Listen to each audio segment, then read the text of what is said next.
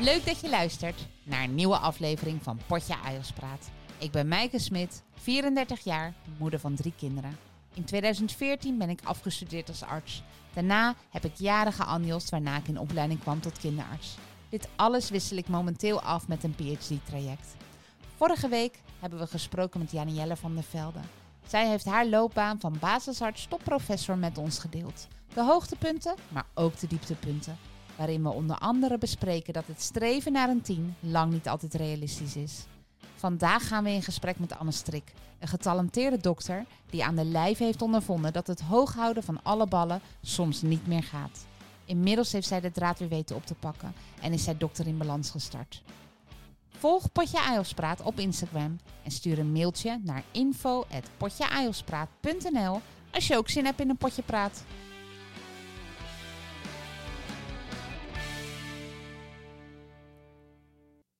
Anna, leuk dat je er bent. Welkom. Dankjewel. Ja, Ik vind het heel leuk om hier te zijn. ik ben heel blij dat je er bent. En, en ik ontmoet je nu eigenlijk voor het eerst Ja. live. En jij bent AJOS MDL, maag, darm, lever. Ehm, dus ja, en ik zit natuurlijk in de kindergeneeskundige hoek. Dus in de kliniek eh, lopen wij elkaar niet tegen het lijf. Nee. Maar ik volg jou al een, nou, best een lange tijd. Ik denk zeker anderhalf jaar op Oh, Instagram. leuk. Ja, Oh, dat wist ik helemaal niet. ja, na, ja, nadat je ehm, bevallen was van je eerste dochter, Ja. ehm, ben ik je eigenlijk gaan volgen. En daar heb je dokter in balans. Ehm, nou ja, ben je gestart en dat volg ik. En toen ik deze podcast begon, dacht ik gelijk, oh, dan ga ik wel vragen of Anne wil komen. En je wilde. Dus ik Leuk, was hartstikke ja. blij. Ja, ik vind het heel leuk. Goed zo. Ik zou vandaag echt graag meer willen weten over jouw loopbaan. Hoe je dat nou ja, hebt aangepakt, vind ik interessant om te horen. Maar ook meer jouw visie over nou ja, balans. Wat is dan disbalans en preventieve aspecten. Maatregelen. Ja, precies. Ja. Preventieve maatregelen, dat soort dingen. Dus, eh, want op dit moment werk jij als AIOS in een algemeen ziekenhuis, hè? Ja. Ja, dus ik ben in opleiding in het Amsterdam UMC. Eh is nu AMC en VU bij elkaar. Ik ben van origine aangenomen in het AMC, maar we zijn natuurlijk nu gefuseerd, dus ook de opleiding is samen. En ehm, een deel van je opleiding doe je ook perifeer. Ik ben nu bezig met mijn endoscopie-stage, dus dan leer je maag- en darmonderzoeken doen. Eh, en dat doe ik in een, eh, in een lokaal ziekenhuis. Ja, ja, en eh, je zei net al eventjes, ik ben al nu dan vier jaar onderweg. En je moet toch nog wel een jaar of twee. Ja, zeker wel, Ja, het is een Ja. lange weg, hè? Ja, Het is een lange Ja. route. En, en, je eh, bent nu veel aan het scopiëren, maar dat is ook waarop je gepromoveerd bent, toch? In de echte inflammatoire darmziekte. Ja, klopt. Ik ben eh, gepromoveerd eigenlijk op geneesmiddelen voor eh, de ziekte van Crohn en colitis ulcerosa. Er zijn twee eh, chronische darmontstekingen. En ehm, ja, heel erg bezig geweest met personalized dosing. Dus welke patiënt wil, kan je welk geneesmiddel geven en hoeveel geneesmiddel moet je geven om de ziekte onder controle te krijgen. Dat is nog steeds eigenlijk een vraag die we nog niet heel goed eh, beantwoord krijgen. En ehm, ja, nu kan ik het ook echt in de praktijk brengen. En eh, heb ik ook op de polykliniek veel patiënten met de ziekte van Crohn en colitis ulcerosa.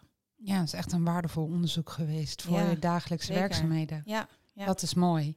Hè? Ja. Dat is denk ik echt eh, belangrijk. En wat, wat ook niet altijd gebeurt, helaas. nee, denk zeker ik. niet. Nee. Ja, en jij hebt je PhD eerst afgerond. En daarbij ben je ook klinisch farmacoloog geworden.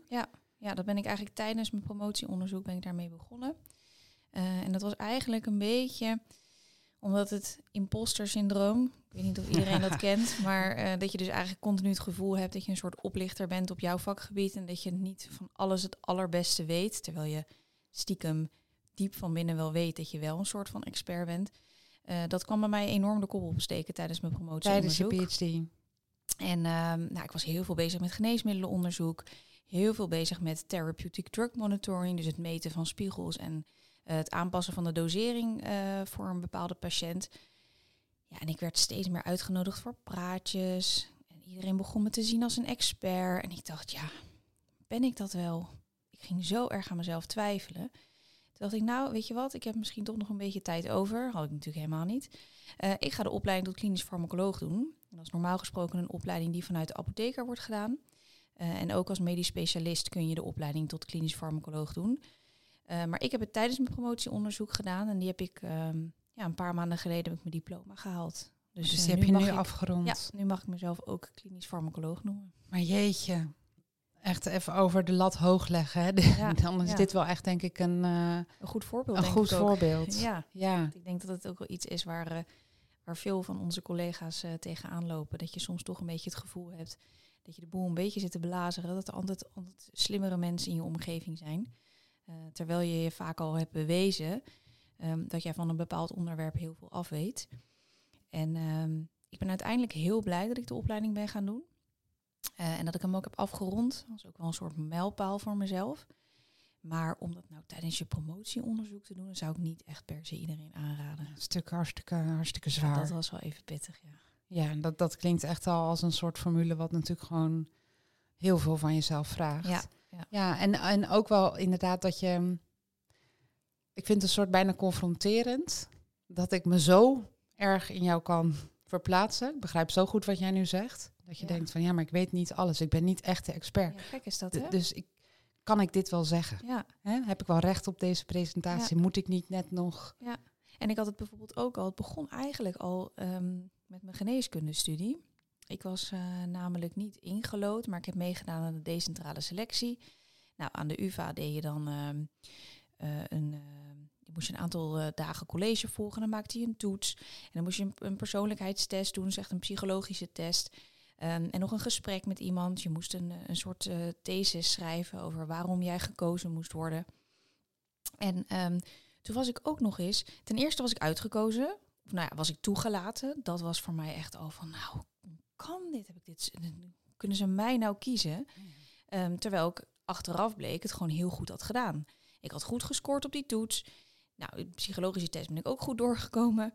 Ehm, ik had eh, als, als thesis had ik dan eh, de tien geboden waarom ik eh, het artsenvak in moest gaan gemaakt. En als ik dat nu teruglees, denk ik, nou, nog best wel leuk bedacht. Ehm, en ik, had, ik was dus ook hoog in de rangorde geëindigd, zeg maar, in die decentrale selectie. En toch had ik iedere keer het idee, als ik in die collegezaal zat, van Hebben ze geen foutje gemaakt? hebben ze geen foutje gemaakt? Misschien hoor ik hier wel helemaal niet. Want mensen met allemaal van die slimme opmerkingen. En dan dacht ik, ja, ik ben niet gelood. Het heeft niet aan mijn cijfers gelegen. Ik had niet die acht of hoger. Dus daar begon het eigenlijk al dat ik dacht van, hoor ik hier wel te zijn? Ik had het idee dat iedereen om me heen wel wat slimmer was of zo. En ehm, ik denk dat dat iets is wat niet geheel onbekend is ehm, bij ja, soms ook vaak al vrouwen in ons vakgebied. Maar dit, ik bedoel, je komt dan van een VWO. Ja. Dit wat je nu beschrijft, hè, heel duidelijk te omschrijven situatie en gevoel wat je op dat moment hebt, dat heb je dus opnieuw tijdens je PhD. Ja. Hè, dus je, je doorloopt het, je Ja. doet het hartstikke goed, je komt tot een PhD, Ja. wat ook niet iedereen bereikt. Nee. En dan alsnog eh, heb je eigenlijk opnieuw dezelfde situatie. Ja. En wat voor karaktereigenschappen liggen daar dan onder?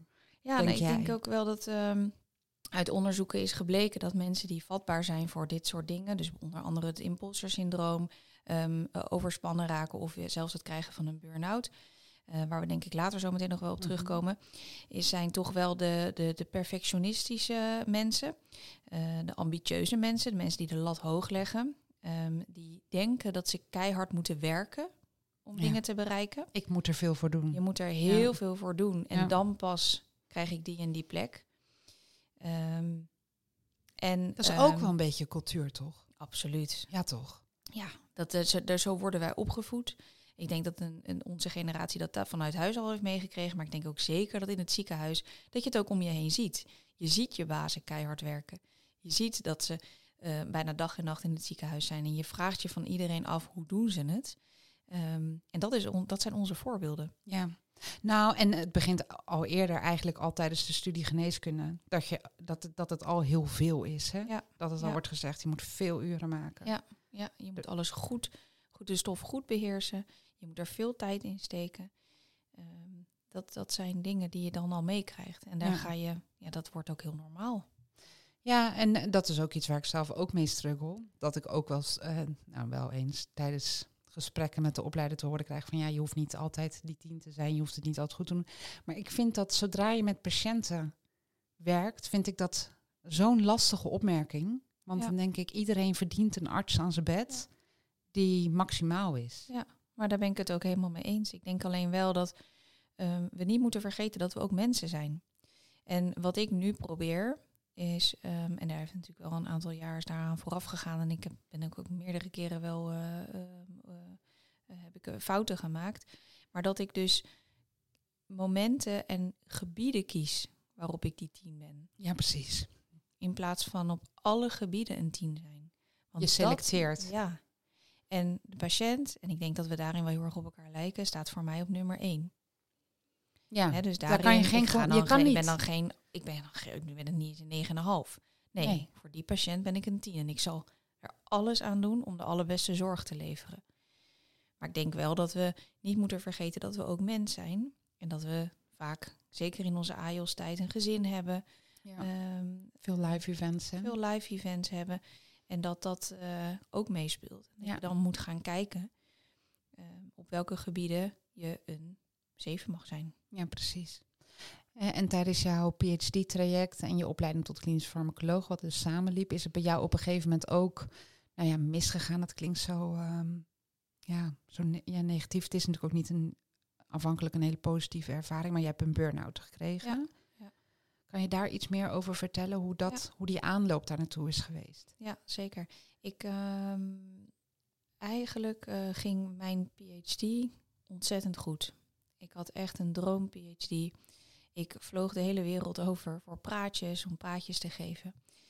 En um, ik deed daarnaast ook nog heel veel dingen op persoonlijk vlak. Naast je opleiding ook nog als klinisch farmacoloog? Na, ja, en naast de opleiding klinisch farmacoloog. En ik ben sowieso iemand die um, altijd alles voor duizend procent doet. Dus ook in die periode wilde ik gezond leven, dus veel sporten. Ik danste veel.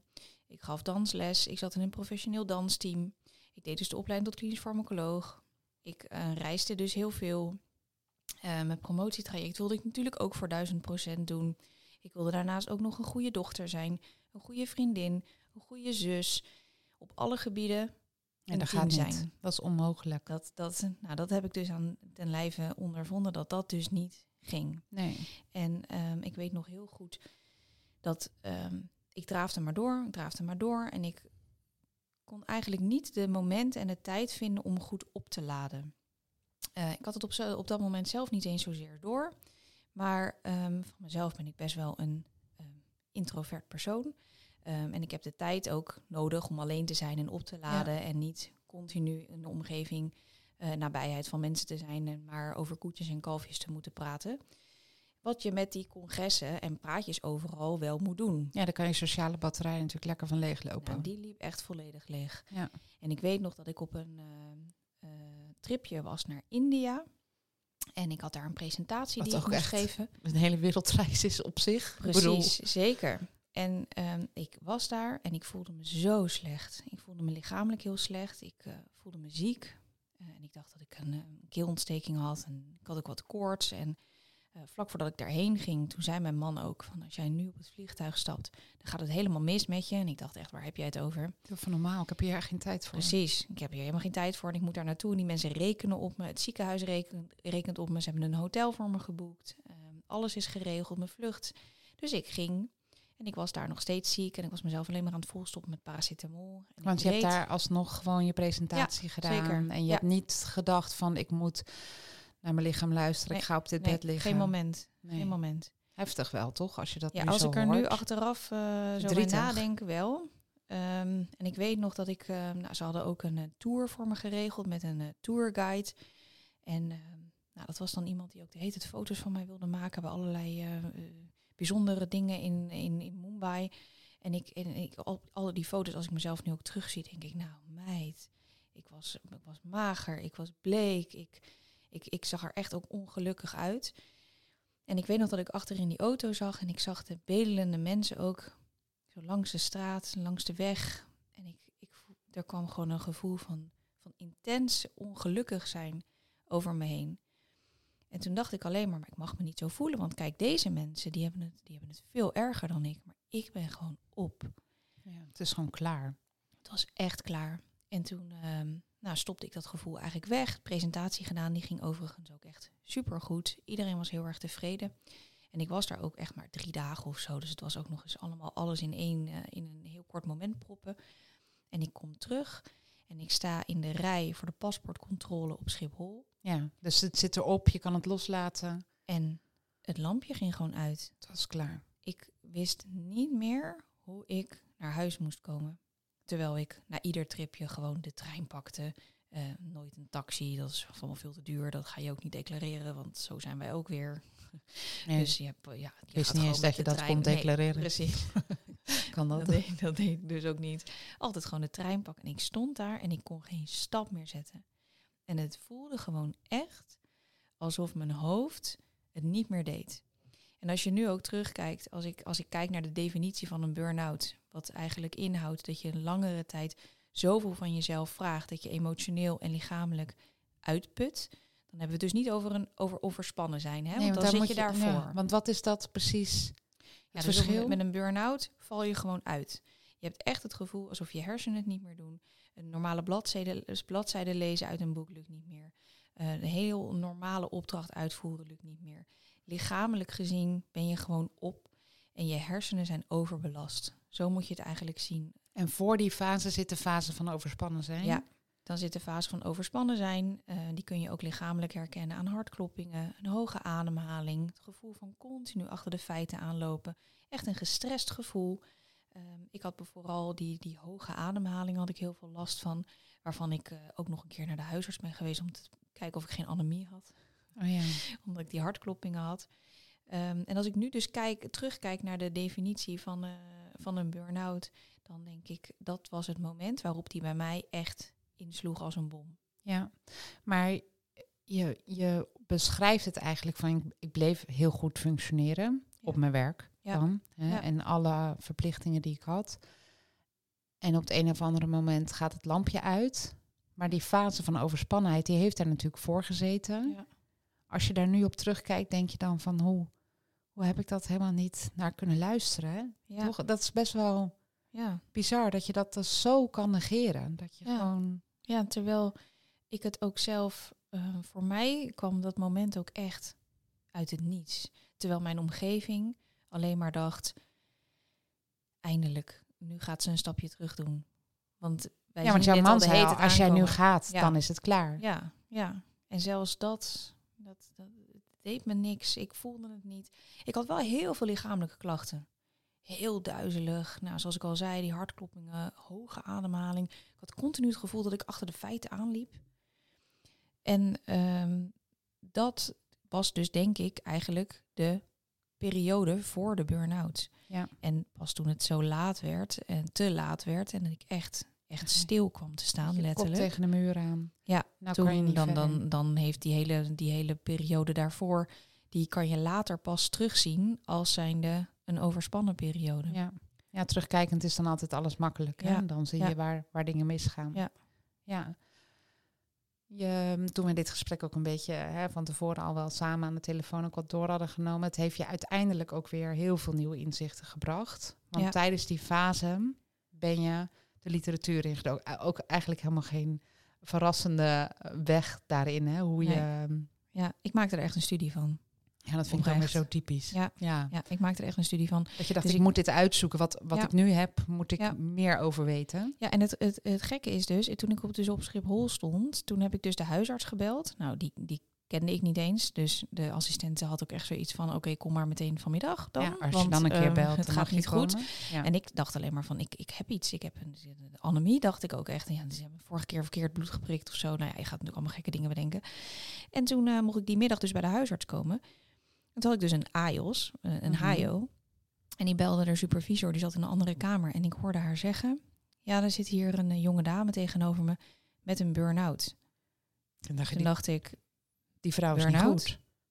dat dacht ik echt. Ik denk, nou, wat, wat, hoe kom je erop? Ik krijg toch geen burn-out? Dat is toch alleen maar voor mensen die geen nee kunnen zeggen en die hun grens niet aangeven en die een heel... Ik heb eh, een leuk leven, dacht je. Ja, ik heb een druk maar- leven, maar ik heb een hartstikke leuk leven. Ja. En ehm, toen kwam ik dus uiteindelijk bij de praktijkondersteuner terecht. En ehm, nou ja, die, eh, die zei ook van eh, je moet nu echt stop zeggen en je moet je ziek melden en je moet echt thuis blijven. En dat had de huisarts ook gezegd. En dat was eigenlijk het moment. Toen kwam ik dus thuis te zitten. En toen had ik dus eh, geen werk op dat moment. Ik moest wel mijn promotie nog afmaken. Maar ik dacht, oké, ik ga eventjes twee weken dan rusten. Want ja, twee weken, dat is echt wel lang. Even, ja. Ja, Twee weken is echt wel lang. En dan ga ik gewoon allemaal zelfhulpboeken bestellen. Dat deed ik dus ook meteen. Bijna die middag of de volgende ochtend of zo. En ehm, dan ga ik dus al die zelfhulpboeken ga ik dan bestellen. En dan ga ik dan heel veel lezen over burn-out. En dan ga ik dus ervoor zorgen. Dan krijg, geef ik mezelf twee weken. En dan ben ik gewoon weer op de been. En dan ben ik er weer. Ja. Ja, dan had je dat in die periode daarvoor eh, moeten doen. Ja, maar inderdaad. Ja. op dat moment was het natuurlijk te laat. Ja. ja, want zelfs lezen lukte niet meer. Nee. nee, maar je hebt wel heel veel kennis vergaard, ook Ja, in die periode. Zeker, ja. En dat heeft wel de, de basis gelegd voor je dokter in balans nu. Ja. Want Ja. dan kan je vertellen hoe die weg is gegaan uiteindelijk? Ik ehm, vond het heel moeilijk om met mijn omgeving te praten. Ehm, en om ze uit te leggen wat ik voelde. Ook omdat eh, ik alleen maar te horen kreeg... Ja, maar dit hadden we niet van jou verwacht. Oh ja, een Eh, soort hoe kan jou dit overkomen? Als jou dit al overkomt, hoe moet het bij mij dan wel niet gaan in de toekomst? Dat soort dingen kreeg ik te horen. En toen ben ik gaan schrijven. Dat helpt ook echt totaal niet. Nee, maar niemand weet ook wat ze moeten zeggen. Dat is ook hartstikke moeilijk. Want je, je, ze zagen mij gewoon echt diep in de put. Ik ben van mezelf echt wel een positief persoon. En ik kon op dat moment kon ik gewoon niks positiefs bedenken. Ik denk, nou, hoe ga ik ooit aan het werk als mijn hoofd het niet meer doet? En toen ben ik dus gaan schrijven. En ehm, helemaal niet met het idee van dit wordt ooit een blog. Het was meer van dan kan ik mijn naaste laten lezen hoe ik me voel. En eh, daar zat één stuk bij waarbij ik echt beschreef, eigenlijk wat ik net vertelde ook, eh, hoe ik me voelde op Schiphol. En hoe die periode, die dagen daarna eh, verliepen. En toen zei iemand, je moet dit online zetten. Oh ja. En toen dacht ik online, nee, dat is een gevaarlijke plek ook, want ik schaamde me ontzettend. Ik had in deze periode ook nog niet bij mijn promotor aangegeven of bij mijn collega's, mijn, mijn, mijn ex-collega's dan eh, in die tijd eh, van het AMC, dat ik was uitgevallen. Ik schaamde me heel erg. Gewoon nog echt geheim Ik gehouden. had het echt geheim gehouden. En toen dacht ik, oké, als ik dit online ga zetten, dan ga ik het wel doen op een serieus platform. Dus dat wordt dan LinkedIn. Dan wordt het wel Dan gaat het wel, ja, dan Wordt ga ik er misschien iemand mee helpen. Ja. eh, door kwetsbaar te zijn. Ehm, toen heb ik wel eerst natuurlijk mijn promotor ingelicht. En toen heb ik ehm, een paar dagen later, na het schrijven van, de, van, de, van het verhaal van de blog, ja, het was natuurlijk toen nog niet echt een blog. Toen heb ik het op LinkedIn gezet en toen heb ik ehm, mijn telefoon weggelegd. En toen heb ik eh, urenlang niet gekeken. En ik heb alleen maar gedacht van wat heb ik gedaan. En toen ehm, Kwamen er heel veel positieve kwamen er heel veel positieve Ja. reacties. En eigenlijk dat was de basis uiteindelijk ook voor het, eh, eh, het, het beginnen van een Instagram-account. Eh, en ook om een kijkje te, leven, te geven in mijn leven. En dan voornamelijk ook om te laten zien hoe het is om terug te komen op een plek en een cultuur waar je ziek bent geworden. Ehm, omdat dat, wat mij betreft, gewoon niet terug te vinden was. Ik zag allemaal verhalen, en dat is misschien ook hoe ik heb gezocht, dat weet ik niet. Van mensen die een burn-out hadden gehad en die het volledig iets anders gingen En dan doen. ga je het roer omgooien. Ja, die werden life coach of ehm, coach ergens anders in. Ze werden ook voor mijn gevoel allemaal coach. En ik dacht, maar ik wil wel dokter blijven. Maar hoe ga ik dat dan Nou doen? ja, en je stond ook nog aan het begin van je hele AIOS-schap natuurlijk. Want je, Zeker. je moest nog in opleiding. Ja, ja, en ik had de plek al wel gekregen. Ik was alleen nog niet begonnen. Ehm, en het is wel echt iets wat ik echt volledig gewoon van binnen voelde dat ik dat nog steeds wilde doen. En toen dacht ik, ik moet nu wel echt iets gaan, gaan aanpakken om ervoor te zorgen dat ik wel terug kan komen op zo'n plek. En ik ga andere mensen gewoon meenemen in die zoektocht en laten zien dat het wel kan. Ehm, dus ook wel toch alweer een beetje een soort van bewijsdrang dat je er doorheen. Mhm. Uh, maar het heeft mij heel erg geholpen, ook om transparant te zijn en, en om dat te delen. Ja, en in het begin uh, zijn gewoon je familie en je vrienden die dat volgen. En uh, die begrijpen je dan ook wel wat beter. En nu is het echt uitgegroeid tot, uh, ja, tot een be bedrijf eigenlijk. Ja. ja, want je hebt nu ook gewoon een groot bereik. Ja. Je hebt een Ja. groot, uh, groot kanaal op weten te zetten. En Ja. waar, waar, waarbij je ook presentaties geeft en Ja. workshops. Om inderdaad andere nou ja, tools te geven in van zo hou je goed balans. En wat zijn nou echt hele concrete dingen die jij dan anders hebt gedaan? Want ik bedoel dat je die burn-out hebt gekregen. Nou, dat als je dit zo allemaal opzomt, ja, daar hoef je Ja, niet voor niet gestudeerd te hebben. ja. Nee, dat is niet heel ingewikkeld. Ja. Nou, dat je dan alsnog gewoon graag die kliniek weer in wilde, dat, nou, dat begrijpen denk ik ook heel veel artsen wel. Maar wat is nou heel concreet dan wat je anders hebt gedaan? Ja, ik ben denk ik wel echt mijn leven anders gaan inrichten. Ik ben veel meer gaan kijken naar welke dingen geven me energie en welke vreten energie. Ehm, en het is echt niet meer zo dat ik alleen maar mijn leven inricht met dingen die ik leuk vind. Tuurlijk, dat, dat gaat ook helemaal niet. Dat zo ons leven, de maatschappij niet ingericht. Maar ik zorg er wel voor dat als ik heel veel energievretende dingen heb gedaan, dat ik dan weer oplaad. En dat deed ik in die tijd te weinig. Nou, wat is voor mij opladen? Tijd doorbrengen met mijn gezin, tijd doorbrengen eh, in de natuur, eh, wandelen, sporten. eh, en dat soort dingen ben ik meer gaan doen. Dus eigenlijk een stukje bewustwording van... ja, wat voor dit- persoon ben ik ook eigenlijk? Want ik ben ik helemaal niet een extravert persoon die oplaat van mensen. En Nee, want als ik naar, makkelijk- jou, naar jouw social media kijk, dan denk ik wel dat jij heel extravert bent. Ja? En de manier waarop je je Ja. presenteert. Ja. ehm, het is natuurlijk niet heel traditioneel hè, wat je Nee, doet. Nee, zeker niet. Nee, nee. En dat Maar is wel ik- natuurlijk het medische wereldje. Je heet natuurlijk dokter in balans. Hè. Je bent natuurlijk AIOS, interne. Dat is denk ik ook niet het meest... Ja. ehm, nou ja, progressief. ja.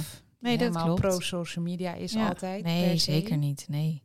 Nee, maar want hoe merk je dat dan? Zeg maar, want ik bedoel, je presenteert je natuurlijk daar, maar je hebt een hele professionele baan.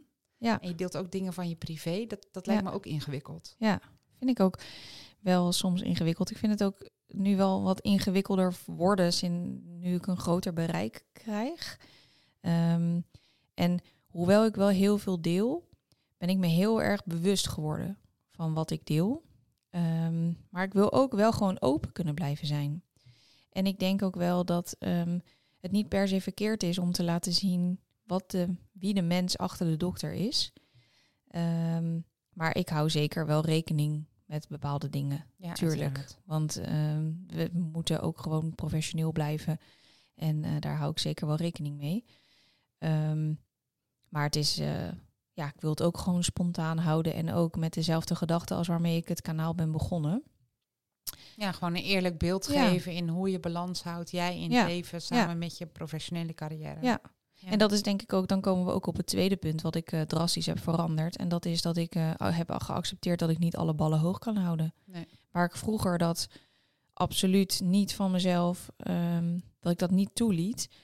Ja, denk ik nu echt wel eens van oké, dit, dit, dit is nu eventjes geen tien. Dit, dit red ik nu eventjes niet.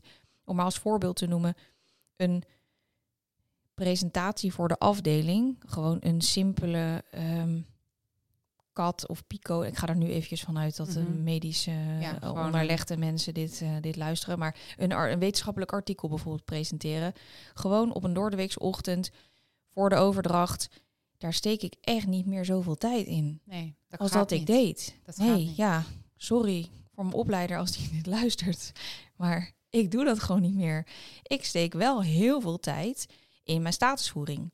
Ja. In eh, mijn patiëntencontact. Ehm, in eh, mezelf verbeteren als endoscopist. Ja. Dus daar zijn, daar, ik kon echt voor zo'n presentatie, ik ben gewoon echt een perfectionist. Dat is ook een van de karaktereigenschappen die, die mensen eh, hebben, die, die streberig zijn, die, die gevoelig zijn voor een burn-out. Ja, die Ik high kon- achievers. Hè? Ja, die high achievers. Ik kon echt uren aan zo'n presentatie zitten. Voor, voor wat? Voor tien minuten? Ja, dat voor... schiet compleet zijn doel voorbij. Ja, omdat ik Ja. dan op ieder dingetje... ge- Nou, dat doe ik niet meer. Nee. Ik kies echt mijn momenten uit waarin ik een perfectionist ben. Dat, Ja. is eigenlijk, dat is eigenlijk de grootste verandering die ik heb doorgevoerd. Dus Ik dit wil kies ik heel uit. goed doen. Ja, ik kies de momenten uit waarop ik een perfectionist wil zijn. En de andere momenten accepteer ik dat ik het niet ben. Ja, en dit alles naast wat je als eerste vertelde van ik ben mezelf beter leren kennen. Ik weet Ja. wat ik meer zelf nodig heb Ja. qua oplaadpunten, qua Ja. nou ja, weer tot rust zien te komen. Ja. Ja, en, en is, dit, is dit dan voldoende? Is dit dan wat we... Nee zeggen. Ja, dat is ook een Nee moeilijke vaak. hè? Ja, dat is ook echt een hele grote verandering. Ik zei echt bijna op alles ja. Privé en werkgebied. Nou, de, ik kon het woord nee bijna niet eens uit mijn mond krijgen. Ik zei echt op alles, alles zei ik ja. Nou, en, daar wil En- ik denk ik ook nog wel gelijk wat aan toevoegen. Want wat ik ook heel veel hoor, wat veel vrouwen ook doen, ehm, mannen vast ook, dat, dat weet ik niet goed, maar ehm, we zeggen nee en dan geven we een uitleg waarom Ja. niet. Dat, Ja. Daar moeten we mee ophouden. Ja. Het is gewoon nee. Ja. Nee is gewoon de zin. Maar ik denk ook wel dat het Er hoeft geen onze... reden te zijn. Nee, dat is ook eigenlijk zo. Maar in onze cultuur of in de cultuur van de ziekenhuiswereld is dat natuurlijk wel echt lastig. Want er wordt al vanuit gegaan dat je ja gaat zeggen. Je krijgt een vraag en eigenlijk verwacht die persoon die vaak boven jou staat, hè, omdat we in een hiërarchische, je kan zeggen dat het niet zo is, dat dat zullen maar dat is gewoon wel zo. Dat, dat zo. maakt ook helemaal niet uit, maar dat, dat is ook gewoon zo. En degene die boven jou staat, die doet jou een verzoek en het is in een vraagstelling, maar eigenlijk wordt er al vanuit gegaan dat je ja zegt. En ehm, ik hoop wel dat we in de komende jaren en generaties dat een beetje kunnen veranderen. Dat het ook gewoon toegestaan is om nee te zeggen. En dat je ook niet altijd een verklaring hoeft te geven. Ja, precies. Het hoeft niet altijd nee, kan niet, want en dan moet Ja. er een hele goede uitleg komen. Nou, laten we allemaal deze week één keer nee zeggen. Ja, Heel bewust. dat lijkt me een, lijkt me Zonder een hele, goede, hele goede opdracht. Ja. En Ja, dan niet tegen je kind alleen. Nee, precies. Nee, want dat, dat is daar ook nog natuurlijk een, een, een, nou ja, een pijler in je leven bijgekomen, het moederschap. Ja. Je hebt een dochtertje nu van bijna twee. Ja. Eh, en een kleintje onderweg. Ja, En dan heb je natuurlijk je baan, je werk. Ja. Ehm, nou ja, je dokter in balanspagina die alleen maar groter is geworden. Ja. En het moederschap. En dat is ook een lastige op het speelveld om niet dat perfectionisme, denk ik, in uiting te Ja, laten brengen. Zeker. Ja. In de zin van accepteren dat je er op sommige momenten niet bent. Ja. Of, Ja, en ik weet ook wel dat ehm, ik wel altijd heb gezegd, ik, ehm, mijn man en ik zijn al eh, heel lang samen. Ehm, en dat ik altijd tegen hem heb gezegd, ik wil geen moeder zijn die er nooit is. En ehm, er zijn momenten dat ik er niet ben. Ja, Hè? En want ik, ik ga nog steeds naar congressen. Ehm, ik ben nog steeds avonden weg voor bijscholing. Want dat is ook weer zoiets, dat is in onze wereld ook normaal, dat het allemaal in de avonduren ja, daar ben ik op Eh, tegen. Daar ben ik heel erg ja. op tegen. Daar wil ik me eigenlijk hard voor gaan Ja, maken. want dat gebeurt dus natuurlijk ook allemaal in onze eigen tijd. Ja. Ehm, en ook daar kies ik mijn momenten uit. Ik ga niet meer naar alles. Nee. Nee. Dus eh, dat is wel iets wat ik heb moeten accepteren. Maar wat ik ook eigenlijk al wel wist, wat een beetje bij ons beroep komt, waar ik het ook niet altijd mee eens ben. Maar als ik me daar te schuldig over voel, dan, dan ga je jezelf weer daarin verliezen. En ik moet mezelf ook wel gewoon de credits geven, vind ik. Dat ik gewoon heel hard mijn best doe. En dat ik doe wat ik kan doen. Ehm, en dat is de allerbeste moeder proberen te zijn die ik voor ogen heb. Ehm, met de kanttekening dat ik ook een hele goede dokter wil zijn. Ja. Ja. En dan kan ik niet alle tweede partijen even eh, tevreden houden. Ja. Altijd. Ik moet wel zeggen, eh, ik bedoel, ik ben zelf moeder van drie kinderen. En ehm, dat is iets wat je natuurlijk gaandeweg... Nou, het is het mooiste wat, wat mij persoonlijk is overkomen. Maar ik ben aan mijn carrière begonnen voordat deze drie Ja, wezentjes er waren. En Ja. die komen dan nu. Ik merk zelf wel dat mijn ambities ook daardoor zijn veranderd. Dat vind ik ook heel confronterend. Hoe, hoe is dat voor jou? Merk je dat? Of? ja ik merk dat heel erg. Ja, ja ik. eh, het is vooral ook dat ik dan wel eens kijk naar eh, bazen, stafleden, die ook grote gezinnen hebben, vier kinderen, maar dan eigenlijk heel weinig thuis zijn. En dat is iets wat ik niet wil. Nee. En ik vraag me nog steeds af of je dezelfde ambities kan hebben ehm, als je wel heel veel thuis wil zijn. Kun je dan, en ik, daarom ben ik ook heel benieuwd naar de vorige aflevering die ik nog moet luisteren, Ja. ehm, hoe, je dat, hoe je dat doet. Hoe kun je een hoge functie bekleden en ook genoeg thuis zijn en tijd spenderen met je kinderen. En ik denk ook dat iedereen daar een andere standaard voor heeft. Hè? Nou, dat denk ik ook.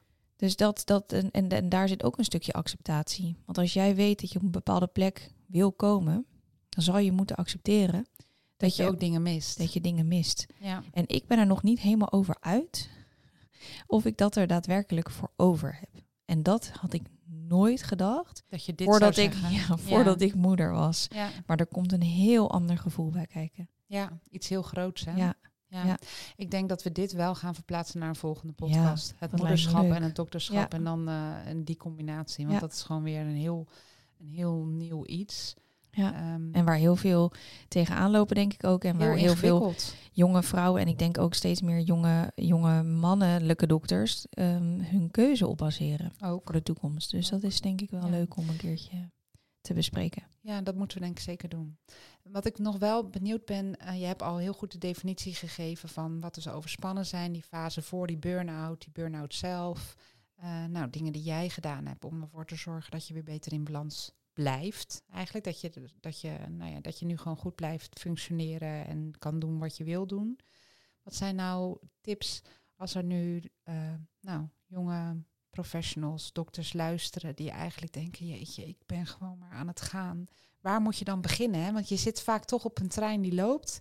Ja. En de opmerking van, maar ik mag niet klagen, dat is ook een opmerking die ik heel veel terughoor vanuit Ja. mijn onderzoek. Dat is toch ook, ook wel, Ja, we moeten dankbaar zijn hè, voor de plek waar Ja. we, die we hebben gekregen. ja, Terwijl we wat- die helemaal niet hebben gekregen, daar hebben we heel hard voor gewerkt. Maar maar toch mag je niet klagen. Ja. Ja, Ja. maar waar moet je nou beginnen? Hè? Als je merkt van ik zit op een trein en het, wordt me, het is me eigenlijk te veel. Ik voel het, maar ik moet door. Ik, Ja. Wat voor tips zou jij geven? hele goede vraag. Ehm, ik denk echt ten eerste vraag hulp. En het maakt in eerste instantie niet uit bij wie. In, ik ben naar de huisarts gegaan. Ook al kende ik die helemaal niet. Ik denk dat ik dat eigenlijk stiekem nog wel fijner vond dat ik diegene niet kende. Eh, maar daarna ben ik ook toen het goed ging. Nee, in de periode dat het niet goed ging, ben ik ook gaan praten met een psycholoog. Eh, en dan hoef je echt niet te denken aan zware gesprekken, maar gewoon meer om te, te kijken van waar, waar loopt het op mis. Ordenen. Ja, want op een gegeven moment ben je gewoon de, het overzicht ben je kwijt. Omdat je op die sneltrein zit. Dus echt stap 1 is vraag hulp. Ja. En het is ook niet zwak om hulp te vragen. Ik denk dat je alleen maar sterker door wordt. Nee, en dus ook al in die fase dat je Ja, juist die overspannen fase. juist. precies. Ja. Niet En dan- wachten. Nee, zeker niet wachten. En dan is het misschien om een, om een psycholoog in de arm te nemen. Dan denk je, voel je je misschien nog niet heel, heel, heel, heel fijn bij. Het hoeft misschien ook nog helemaal niet dan. Ehm, maar eh, een coach bijvoorbeeld. Je hebt tegenwoordig ook echt eh, coaches die gespecialiseerd zijn in het coachen van jonge dokters. Ehm, dus ik denk dat dat een hele goede is. Ehm, en hoe moeilijk het ook is, geef het aan op je werk. En dat is iets, ik ga echt niet zeggen dat ik dat makkelijk kon, want ik zou de laatste zijn die dat, eh, eh, die dat toegeeft. Ik had daar echt ontzettend veel moeite mee. Maar uiteindelijk, als je open kaart speelt, dan kun je geholpen worden. Ja. Stel je voor, jij bent Anios en je zit in deze fase en je voelt dat je gewoon met tegenzin naar je werk gaat. Dat je bij iedere dienst, dat je zenuwachtig bent, dat je het gevoel hebt dat het, dat het hele ziekenhuis op jouw schouders rust. Of dat Dan je is- slecht gaat slapen. Dat je slecht gaat slapen, eh, dat je ademhaling hoog zit, dat je trillerig bent, dat je hartkloppingen hebt. Dat zijn echt tekenen van jouw lichaam die zeggen, nu moet je echt op de pauzeknop drukken. Ja. En geloof dat. me, het is dan echt beter om even dat dienstblok over te slaan. En ehm, al ga je de dienst dus niet in, je hoeft niet per se thuis te gaan zitten. Maar die diensten die zijn natuurlijk, dit herken jij ook, dat Ja, is super stressvol. En dat kan alleen maar als je het aangeeft bij je opleider of bij ehm, een vertrouwenspersoon. Weet ook dat er altijd in een ziekenhuis een vertrouwenspersoon is. Dat weten ook niet heel veel mensen, maar die is aanwezig en die is er voor jou. Precies, en, En- dat zijn ook mensen die niet naar je opleider gaan. Zeker. Niet met je Ja. supervisor En die alleen maar eigenlijk gaan kijken hoe kun je, kunnen ze het voor jou ook oplossen. En ehm, ik denk ook dat je dan heel even egoïstisch moet zijn. En dat hoort denk ik ook een beetje in mijn rijtje thuis van nee zeggen, mijn grenzen beter aangeven, kijken wat voor persoon ik ben. Egoïstisch zijn. Want wij denken bij alles, ja, maar als ik die dienstweek niet ga doen, dan moet een andere Ja. collega dat oplossen. Ja. Want zo gaat het in Ja, onze en wereld. die heeft ook een kind thuis. en Precies, die is altijd zijn onze en die- collega's zijn de dupe van als wij uitvallen. Maar geloof me, als jij maandenlang uitvalt, en ik heb er ervaring mee, ik heb van juni ehm, tot januari thuis gezeten, dat is echt heel lang. Ook voor je gevoel. Ja. En je kan, en dat was, nou, wat ik heb gehoord, voor nog snel, zeg maar, ehm, bij het hebben van ja, echt forse een verse, forse burn-out. jaar, jaar Precies. En, en als je nog in de fase zit waarin je het zou kunnen voorkomen, door even egoïstisch te zijn en aan jezelf te denken, dan zou ik echt zeggen, pak die kans. Nou ja, en inderdaad, als je dus op tijd bent, een paar kleine interventies, maar Ja. ook wat nieuwe tools in handen krijgen Zeker. om, nou ja, om aan te pakken wat, er- wat, er, wat er vastloopt, Ja. wat, wat, wat niet lekker stroomt. Ja. En het is niet zwak. Het is eigenlijk alleen maar zwakker als je door blijft lopen en dan Ja. dat je zo diep eh, zinkt zoals ik heb gedaan. en dat het gewoon zoveel tijd en energie kost om daar weer uit te komen. Dat hulp vragen is denk ik mijn nummer één tip. Ook hoe moeilijk het ook is. Nou, en ook als je het zover laat komen, dat is natuurlijk ook niet altijd een keuze, hè, maar met het risico dat je niet meer terugkomt Ja. op de plek waar je wel wilt zijn. Zeker. Ja. Ik wil het graag afsluiten voor vandaag. Ja, Ik wil je bedanken voor je openhartige verhaal. jij bedankt is voor de uitnodiging. denk ik, om het altijd maar zo te vertellen. Heel eerlijk. En ik denk zeker dat je andere jonge artsen geholpen hebt om, eh, nou, om goed voor zichzelf in balans te kunnen blijven, keuzes te maken, een stukje awareness. Ik denk eh, dat het belangrijk is. Dit was het alweer. Leuk dat je weer hebt geluisterd.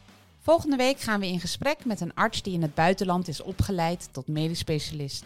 Mocht jij Potje Ajos Praat een fijne en inspirerende podcast vinden, Laat dan een beoordeling achter op Spotify. Daar help je ons mee. Tot volgende week.